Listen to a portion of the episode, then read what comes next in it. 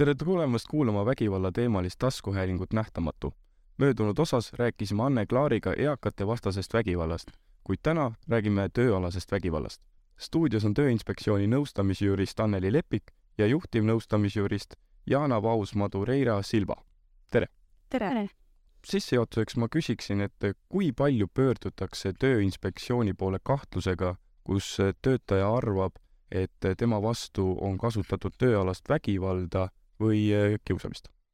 Äh, jah, et neid pöördumisi tuleb ette, et neid on ikkagi märkimisväärselt ja et kindlasti konkreetsed numbrid kõnede põhjal välja ei oska tuua, aga ma arvan, et arvestades, et äh, palju meil nõustamisjuriste üldse kokku on, et ikkagi iga päev tuleb mõni selline pöördumine. kirjades ütleks, et iga nädal esineb selliseid pöördumisi ehk siis kui iga päev, siis saaks isegi väita, et circa kakskümmend, kolmkümmend kuskil sealkandis kuus. no hinnanguliselt võib-olla jah. mis asi on üldse tööalane vägivald? tegevus, mis varasemalt oli hinnatud hälbelisena, võib saada normipärase hinnangu ja vastupidi. aga samas tuleb ka öelda seda, et töövägivallana võib siiski mõista põhjendamatut käitumist töötaja või töötajate rühma suhtes eesmärgiga siis isikut kas vigastada, alandada, alavääristada või ähvardada.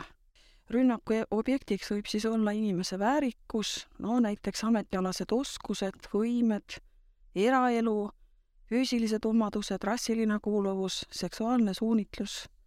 nii et töövägivalla määratluse alla kuulub nii kiusamine, seksuaalne ahistamine kui ka füüsilised ründed ja töövägivald võib esineda ühekordse juhtumina või siis ka süstemaatilise käitumismudelina ning aset leida organisatsiooni erinevatel tasanditel.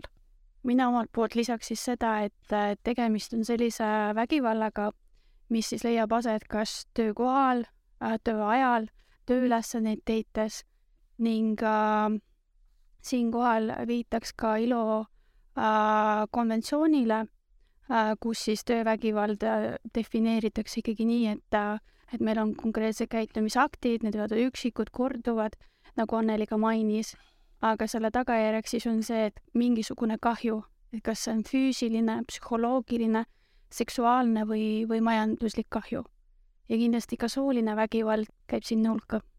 et äh, ühekordne juhtum ei ole töökiusamine, järelikult ei ole ka iga ühekordne konflikt, arusaamatus, tüli ja nii edasi töökeskkonnas üldjuhul töökiusamine, vaid eeldatakse korduvat ebameeldivat käitumist. Ja vägivalla puhul tuleb ka eristada seda, et äh, üks asi on meil organisatsiooni siseselt, kus meil on kolleegid, võib-olla see tuleb otseselt juhilt näiteks, aga samas see võib olla ka organisatsiooniväline, et kui meil on äh, kliendid, äh, koostööpartnerid, näiteks teeninduses võib seda ette tulla küll aga ka sellistes tegevustes, kus siis tuleb tagada kohustuste täitmine või korra, korra tagamine. Kes äh, võivad kõige sagedamini langeda tööalase vägivalla ohvriks, et kas see tulebki just organisatsiooni seest või see võib olla organisatsioonist äh, väljast või oleneb ametikohast? ma arvan, siin on väga palju erinevaid faktoreid, et mille kohta on ka tehtud teadustöid nii Eestis kui ka siis väljaspool Eestit.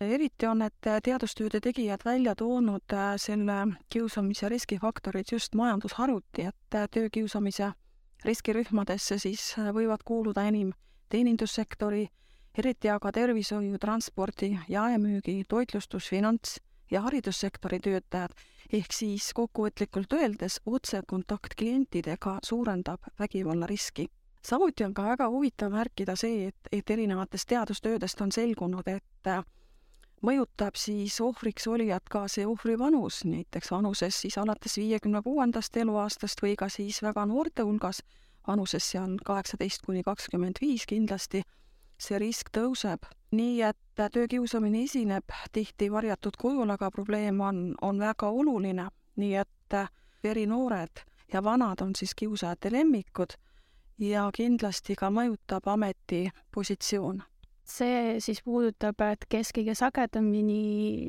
tööalase vägivalla ohvriks võivad langeda, aga kui me üldse räägime, et kes võib olla ohvriks, siis tegelikult on igaüks meist. et, et see oleneb, mis põhjusel see tekib, et vahel see võib tuleneda pooltevahelisest konfliktist, tekib arusaamatus, omavaheline mitteklappimine, kui nii võib öelda. ja, ja kõige enam seda tuleb siis äh, esineda nii-öelda vertikaalsel tasandil ehk ikkagi ülevalt allapoole pigem, kuigi ka kindlasti kolleegide seas.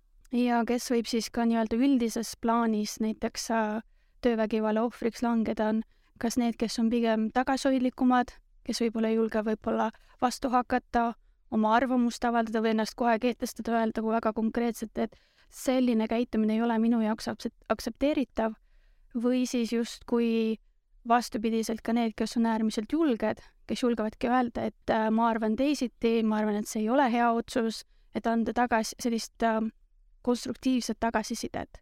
et vahel ka selle põhjal võivad siis tekkida need konfliktid, mis äh, viivad näiteks töökiusamiseni kas on ka mingisugust vahet äh, naiste ja meeste vahel, kummad äh, nendest tõenäolisemalt äh, langevad kas siis töö kiusamise või vägivalla ohvriks? Mina ei saaks öelda, et on mingisugune oluline vahe, et äh, nagu siis naised oluliselt rohkem selle üle kaebaksid või mehed, et vägivald on üldine nähtus.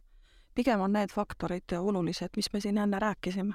nõustamispraktikast lähtuvalt helistavad suures osas rohkem ikkagi naissoost isikud, aga see võib-olla on ka seotud nende valdkondadega, kas me räägime näiteks äh, tervishoiust, kas me räägime klienditeenindusest näiteks, kus võib-olla esinebki naissoost isikuid rohkem selles valdkonnas. ma olen ka sellega nõus, nagu me siin ka enne, enne viitasime selle valdkonna põhisusele.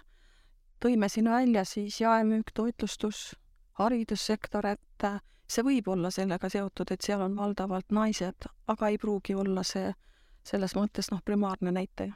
Haridussektori all siis te mõtlete praegu näiteks koole, kus siis õpilased lisaks sellele, et nad üksteist tihtipeale kiusavad, on, toimub ka siis sama tegevus õpetajate vastu? jah, see on selline väga paljude nüanssidega tegevus, tõesti, siin on mõeldud koole.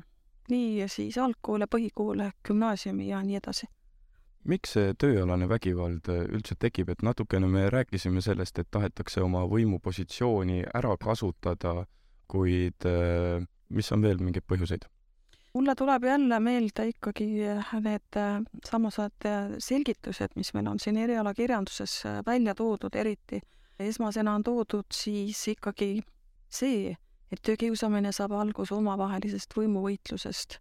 peame siin silmas töösuhteid nagu ikka teame, et, et töökohtadel on selline omavaheline võimuvõitlus või konkureerimine, ükskõik kuidas me seda nimetame, ja see võimuvõitlus muutub kiusamiseks siis, kui üks pooltest on teise vastu nõrgemasse positsiooni pandud või sinna sattunud. Ja positsiooni nõrgestamise eesmärk on siis jätta ohver ilma sotsiaalsetest kontaktidest teiste kaastöötajatega näiteks või ennekõike. Ja lõpuks ta siis väga tõenäoliselt töökeskkonnast üldse välja tõrjuda.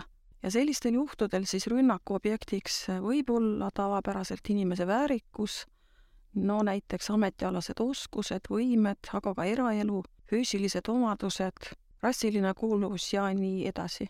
ma siinkohal vaataks seda võib-olla teisest küljest ka, et, et selline ebakindlus kiusaja poole pealt, et tema siis tunnebki näiteks, et mingisugune konkreetne töötaja, kas või näiteks tema alluv, ohustab tema positsiooni näiteks ta on hästi tubli, võib-olla seda märkab mõni kõrgem juht ja näeb, et äkki tema oleks justkui sobivam sellele ametikohale.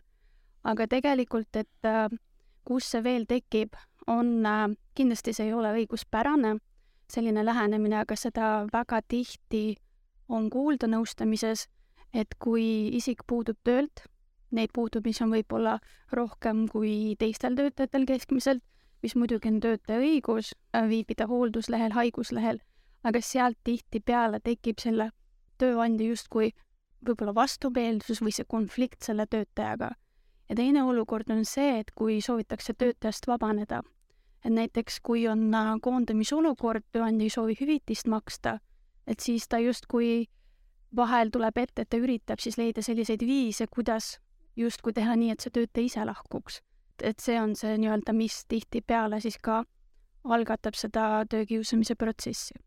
ehk siis muuta töötaja elu seal töökohas põhimõtteliselt põrguks? võib ka nii öelda, et selliseid kirjeldusi meile laekub. jah, ma siin Jaanat täiendan, see on tõesti niimoodi, et eh, põrguks muutmine võib-olla siis selle kohta võib öelda niimoodi, et jah, tööandja võib öelda töötajale, et äh, nagu see komme on, et noh, pa-, paber on siin, et kirjuta nüüd ülesütlemisavaldus ja ja läheme siis sõbralikult lahku, et vastasel juhul ma pean siis lihtsalt hakkama otsima muid teid. et see on nüüd tõesti üks, üks selline kiusamisele iseloomulik käitumine ja ka see, mida ka töövaidlusorganid on korduvalt leidnud, et kui töötaja, töötajale öeldakse niimoodi, et ka teised töötajad või kolleegid ei ole sinuga nõus siin koos töötama, ootavad võib-olla juba kannatamatult sinu lahkumist, ka see tööandja käitumine siis jah, võib viidata ikkagi töökiusule. Ja tegelikult ei pruugi see olla tõsi, et teised töötajad tahavad sellest ühest töötajast lahti saada. jah, see ei pruugi kindlasti olla tõsi, vaid siin võib olla ka igasuguseid muid põhjuseid, võib-olla siis tööandja soov näiteks võimalikult kiiresti ja ja, ja odavalt äh, siis see töösuhe lõpetada. kas töökiusamine võib ka kanduda edasi järgmisse töökohta, et ütleme, ma töötan ühes firmas, mind äh, lastakse lahti või sunnitakse avaldust kirjutama, et ma soovin ise töölt lahkuda ja lähen kandideerin kuskile mujale ja nüüd mu eelmine tööandja tahab mulle nii-öelda käru keerata ja räägib minust midagi halba? meile helistajad on jah seda väitnud, et seda püüda, püüakse teha, aga kuivõrd see nüüd tõene on, see jääb igaühe enda otsustada. tegelikult peaksid asjad niimoodi käima, et kui tööandjale tõesti seda töötajat kui head spetsialisti vaja on, siis ka see võimalik endise tööandja helistamine tõenäoliselt tagajärgi ei kanna mis on tagajärjed töötajale, kui tema vastu on töö juures kasutatud vägivalda, kuidas see töötaja võib ennast tunda?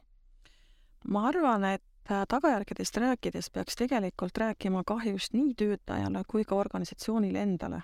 rohkem vist on kajastatud seda, kuivõrd nüüd töötaja on see kannataja, aga samas tööandjad peaksid teadvustama seda, et see tegelikult toob ka märkimisväärseid tagajärgi organisatsioonile endale nii et muidugi see on õige, et äh, töövägivalla all kannataja tõenäoliselt tunnetab ise ka, et tema psüühilises seisundis on muutused ja siin tuleb võib-olla rohkem esile tuua seda, et äh, töökiusamise tagajärjel tavapäraselt, see on muidugi isikupõhine, ja siis jah, kaasnevad tõesti vaimse tervise probleemid, stress, depressioon, väga tõenäoliselt ka posttraumaatiline stressihäire kui ka siis igasugused muud tervisehäired, mis on ju tegelikult väga isikupõhised, näiteks südamehaigused, kõrge vererõhk, samuti ka luu- ja lihaskonna vaevused ja nii edasi.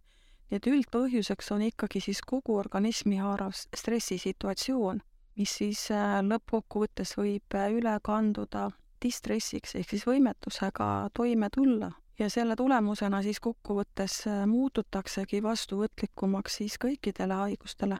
Ja lisaks siia juurde siis veel ka, et võib tekkida uneprobleeme, võib madalamaks muutuda enesehinnang, võib ka tekkida selline enesesüüdistus, et äh, mis, mis siis minul viga on, miks ma hakkama ei saa, et võib-olla alati see ohver ei saa kohe aru, et asi tegelikult ei ole temas, need kaebused ei ole kuidagi tegelikult põhjendatud, aga, aga siin selles mõttes peab vaatama ikkagi kõiki osapooli, et, et see mõjutab ka kolleege siinkohal, et äh, väheneb motivatsioon üldine, äh, väheneb tootlikkus ja, ja paratamatus mõjutab üldiselt ka töösuhteid.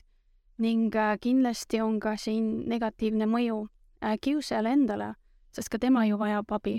praegu me oleme siin rääkinud sellest, et keegi kõrgemalt siis kiusab töötajaid, kuid kas on ka selliseid situatsioone, kus töötajad moodustavad nii-öelda ühtse tiimi ja kiusavad seda pealikku hoopis või kõrgemal positsioonil olevat inimest?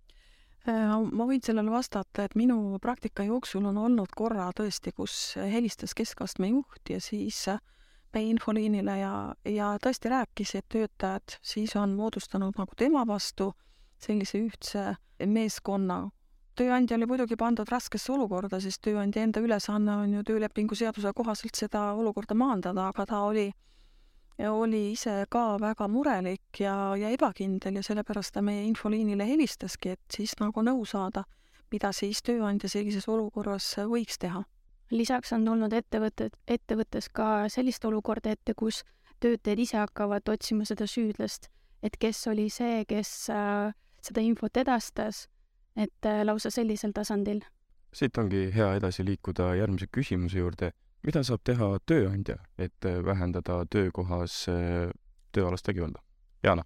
ütleks siinkohal, et märksõnaks on ennetamine, et kindlasti on, on palju lihtsam, kui on juba välja mõeldud, et mis on need meetodid, mida tööandja saaks kasutada, et näiteks on võimalus läbi viia iga-aastaseid rahuloluküsitlusi, informatsiooni võib saada ka koostöövestluste käigus, et kuidas see üldine ettevõtte olukord on. Äh, lisaks äh, saab välja töötada psühhosotsiaalse ohuteguri hindamise küsimustikke äh, ning kindlasti oleks soovitatav tagada töötajatele ka võimalus anonüümselt pöörduda juhtkonna poole või, või kes iganes siis on vastuta-, vastutavaks määratud, kus nad saaksid, saaksidki siis nii-öelda oma muresid kurta.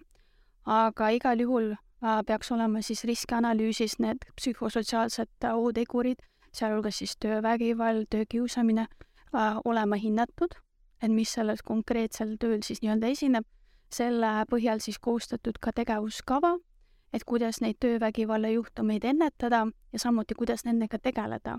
tööandja peaks ka sätestama konkreetsed käitumisreeglid äh, ning kindlasti rõhuma ka ettevõtte väärtushinnangutele, et äh, juba, juba algselt nii-öelda tegema selgeks, et äh, selles töökeskkonnas selles ettevõttes ei ole selline käitumine aktsepteeritav. muidugi alati see ei toimi, kuivõrd äh, võib olla ka tööandja ise see, kes on siis kiusaja, kiusaja rollis. aga kui juba töökiusamine või siis töövägivald on aset leidnud, siis äh, tuleks välja selgitada ikkagi, et mis juhtus, kes olid osalised äh,, mis roll oli neil antud konfliktis või või juhtumis, kas olid tunnistajad, pealtnägijad ja siis nii-öelda see see olukord siis fikseerida. Ja vastavalt siis konkreetsele intsidendile juba valida siis asjakohased äh, abinõud, et siinkohal siis äh, tööandja võib ise ka astuda sellise lepitaja, vahendaja rolli. aga tööandjal on ka muid äh, töövahendeid selleks, et näiteks saab tööd ümber korraldada, saab äh, konkreetsed töötajad äh, panna erivahetustesse, kui meil on näiteks graafiku alusega töö, alusel töö et need on siis tööandja võimalused. kas need äh, rahulolu küsimustikud äh, peaksid olema anonüümsed, sellepärast et võib-olla kui on äh, seal teada, mis töötaja kuidas vastas, siis kui, siis ta ei julge võib-olla välja tuua seda, et ta tunneb, et teda tööl kiusatakse?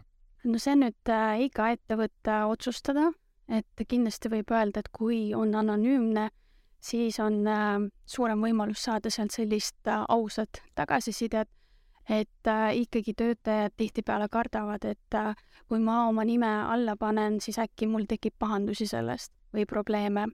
et selles mõttes, et äh, mingisugune selline anonüümne võimalus peaks olema, et kas või ongi näiteks ettevõttes äh, mureümbrikud, et mida saab lihtsalt kuhugi anonüümselt postkasti panna või siis nagu võimaldadagi selgitada töötajatele, et nad ei pea seda oma töö e-postilt saat-, täitma seda rahulolu küsimustikku võivadki teha kas või ajutised e-posti aadressid läbi või mille abil siis nii-öelda see tagasiside edastada, et nad ei, et nad ei kardaks seda, et nende isikut võidakse tuvastada.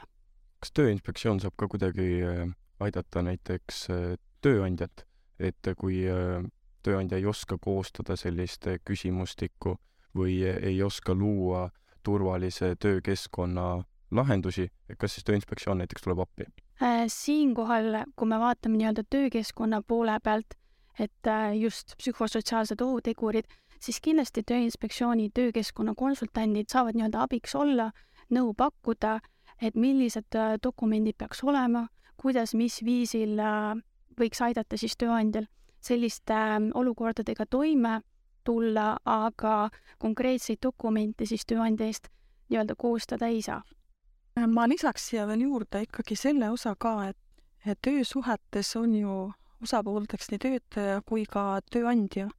ehk siis ma rõhuks sellele koostööle, nii et konflikti ennetamiseks ja lahendamiseks tuleks teha koostööd nii töötajal, tööandjal kui ka siis äh, selle konflikti pealtnägijatel, et ka meie tööelulehel on küllalt head materjalid selle kohta ja rõhutaksin veel seda tööandja rolli just lepitajana ja, ja konflikti vahendajana et see oleks nüüd ennetustegevuses ikkagi väga oluline. ja samuti võib meie tööelu lehelt leida ka siis materjale kuidas käituda, kui te ise näete töötajana võib-olla seda äh, konflikti pealt või, või siis seda töökiusamist, et mida teie nagu saaksite teha. et seda võiksid kuulajad kindlasti lugeda. nii et äh, võib-olla olulisem ma tahan siin välja tuua, et, et kui märkad ohtu, siis suhtle, leia ebasõbralikkuse põhjused, ole heatahtlik, sõbralik, koostöövalmis küsi sellelt, kellega sa vestled, kuidas sinust saadi aru ja vajadusel abista, et abista siis kolleegi, aga miks ka mitte abista tööandjat, kui tööandja on asunud lepitaja rolli. aga samas äh, ei tasu ikkagi tähelepanuta jätta ka seda, et tööandjal on reageerimiskohustus, temal on see kohustus tagada ohutu töökeskkond kõikidele töötajatele. et kui meil on ikkagi isik, kes äh, vägivallatseb Äh, kes ei allu korraldustele, siis tööandjal on võimal-, võimalus ka karmimaid meetmeid kasutada, et näiteks äh, hoiatada töötajat või siis, kui tõesti see käitumine ei parane või see rikkumine on niivõrd äh, raske, siis isegi tööleping erakorraliselt üles öelda. kuidas koguda andmeid, kui sa tunned, et sind on tööl kiusatud või kasutatud sinu vastu vägivalda?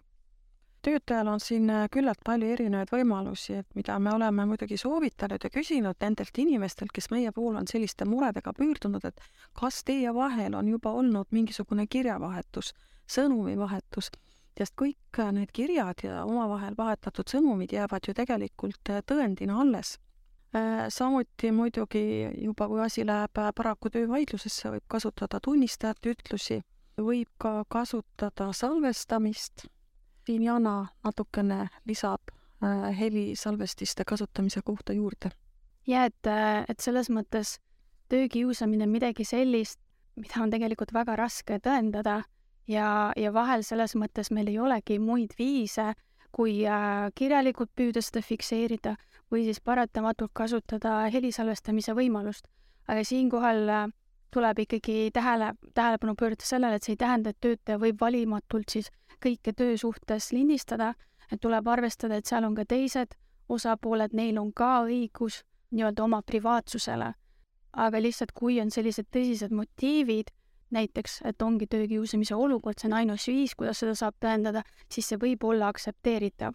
aga töövaidlusorgan muidugi igal konkreetsel juhul vaatab, et kas on võimalik seda tõendina kasutada, kuna üldjuhul, kui me ütleme äh, konkreetsele isikule, et nii äh,, nüüd sa ütlesid mulle halvasti, ma tahan, et mulle jääks selle kohta tõend äh,, kas ma võin salvestada, ütleme, kes on siin salvestise peal, siis muidugi see asi ei kordu. et see on selles mõttes arusaadav. et tõesti on meil ka Riigikohtu otsus selle kohta, kus Riigikohus ongi siis öelnud, et et tööalaste kokkusaamiste salajane salvestamine on ikkagi taunitav ja ebaeetiline ning see saab siis olla põhjendatud ikkagi ainult tõsistel äh, motiividel.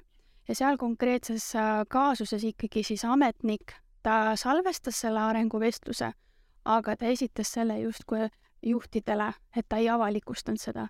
et see on ka hästi oluline aspekt, et äh, me kasutame seda, et pöörata organisatsioonisiseselt äh, tähelepanu probleemile või siis tõesti töövaidluse tarbeks, aga mitte nii-öelda ei avalikusta seda kolmandatele isikutele kui ma sooviksin siis äh, salvestada mingisugust äh, vestlust töö juures, siis see peab olema ka teisele inimesele teada, et ma panengi näiteks telefoni laua peale, ütlen, et see siin salvestab meie kõnet või võib ka siis seda teha varjatult? üldine põhimõte on ikkagi, et tuleks küsida nõusolekut, et isik teab, et tema, tema vestlusi salvestatakse, ta annab selleks oma nõusoleku või tal on õigus sellest keelduda. aga nagu ma ütlesin, et, et siin peab ka huve kaaluma et äh, meil on tõesti sellised õiguste rikkumised, mis siis kaaluvad selle isiku, kelle vestlust salvestatakse, õigused üle. et see on just see mõjuv, mõjuv põhjus või selline, et kui mul on vaja töövägivalda, töökiusamist tõendada, mida ma ei saa mitte mingil muul viisil äh, tõendada, aga see ei tähenda seda, et ma lähen tööle esmaspäevast reedeni ja mul telefon laua peal salvestab vestlusi. kuhu äh, pöörduda, kui äh, ma tunnen, et mind on tööl kiusatud? Äh, ma siis alustan vastamisega, et muidugi töötaja ei tohiks jääda oma murega üksi, et ta peaks kindlasti pöörduma tööandja poole, kellel on siis ju seadusest tulenev kohustus luua töö tegemiseks sobiv äh, psühhosotsiaalne keskkond, nii et kindlasti tööandja poole, vahetu töölõigu juhi poole näiteks, kolleegide poole, nii et informeerida ikkagi tööandjat sellest, mis toimub, võib-olla ettevõttes töötab töökeskkonna spetsialist, tegevjuht, juhatuse liige, nii et äh, kõik see oleks vajalik. Ja vastus on väga juhtumipõhine, et kui nüüd on tõesti toimunud ka füüsiline vägivald, siis tuleks kindlasti avaldusega pöörduda politseisse. Ühendust võib võtta Tööinspektsiooniga kindlasti, sest äh, Tööinspektsioon võib selgitada olukorda, mida siis veel teha saaks ja kui nüüd on aset leidnud diskrimineerimine näiteks, siis on võimalik ka inimesel ju pöörduda arvamuse saamiseks äh, võrdõigusvoliniku poole nii et sinna võib pöörduda tegelikult igaüks, kes kahtlustab, et teda on diskrimineeritud, no näiteks soo, vanuse, rassi, usundi, veendumuste, vanuse tõttu. Tööinspektsioonil on kolm põhiteenust. esi, esimene teenus siis, millest võiks alustada tõenäoliselt, on ikkagi nõustamine, et teada saada, kas äh,, mis on töövägivald, mis on töökiusamine, kas siin võib olla olukord, kus on esinenud töökiusamist et muidugi hinnangut anda ei saa, küll aga saame selgitada, mis viitab töökiusamisele, mis mitte või töövägivallale üldiselt. et sellest võiks äh, alustada, sealt saab ka informatsiooni näiteks, kui on vajadus pöörduda juba töövaidluskomisjoni. lisaks siis on ka võimalus teha vihjet, et see informatsioon edastatakse järelevalvele. aga siin tuleb arvestada sellega, et järelevalve ei, ei saa neid konflikte lahendada.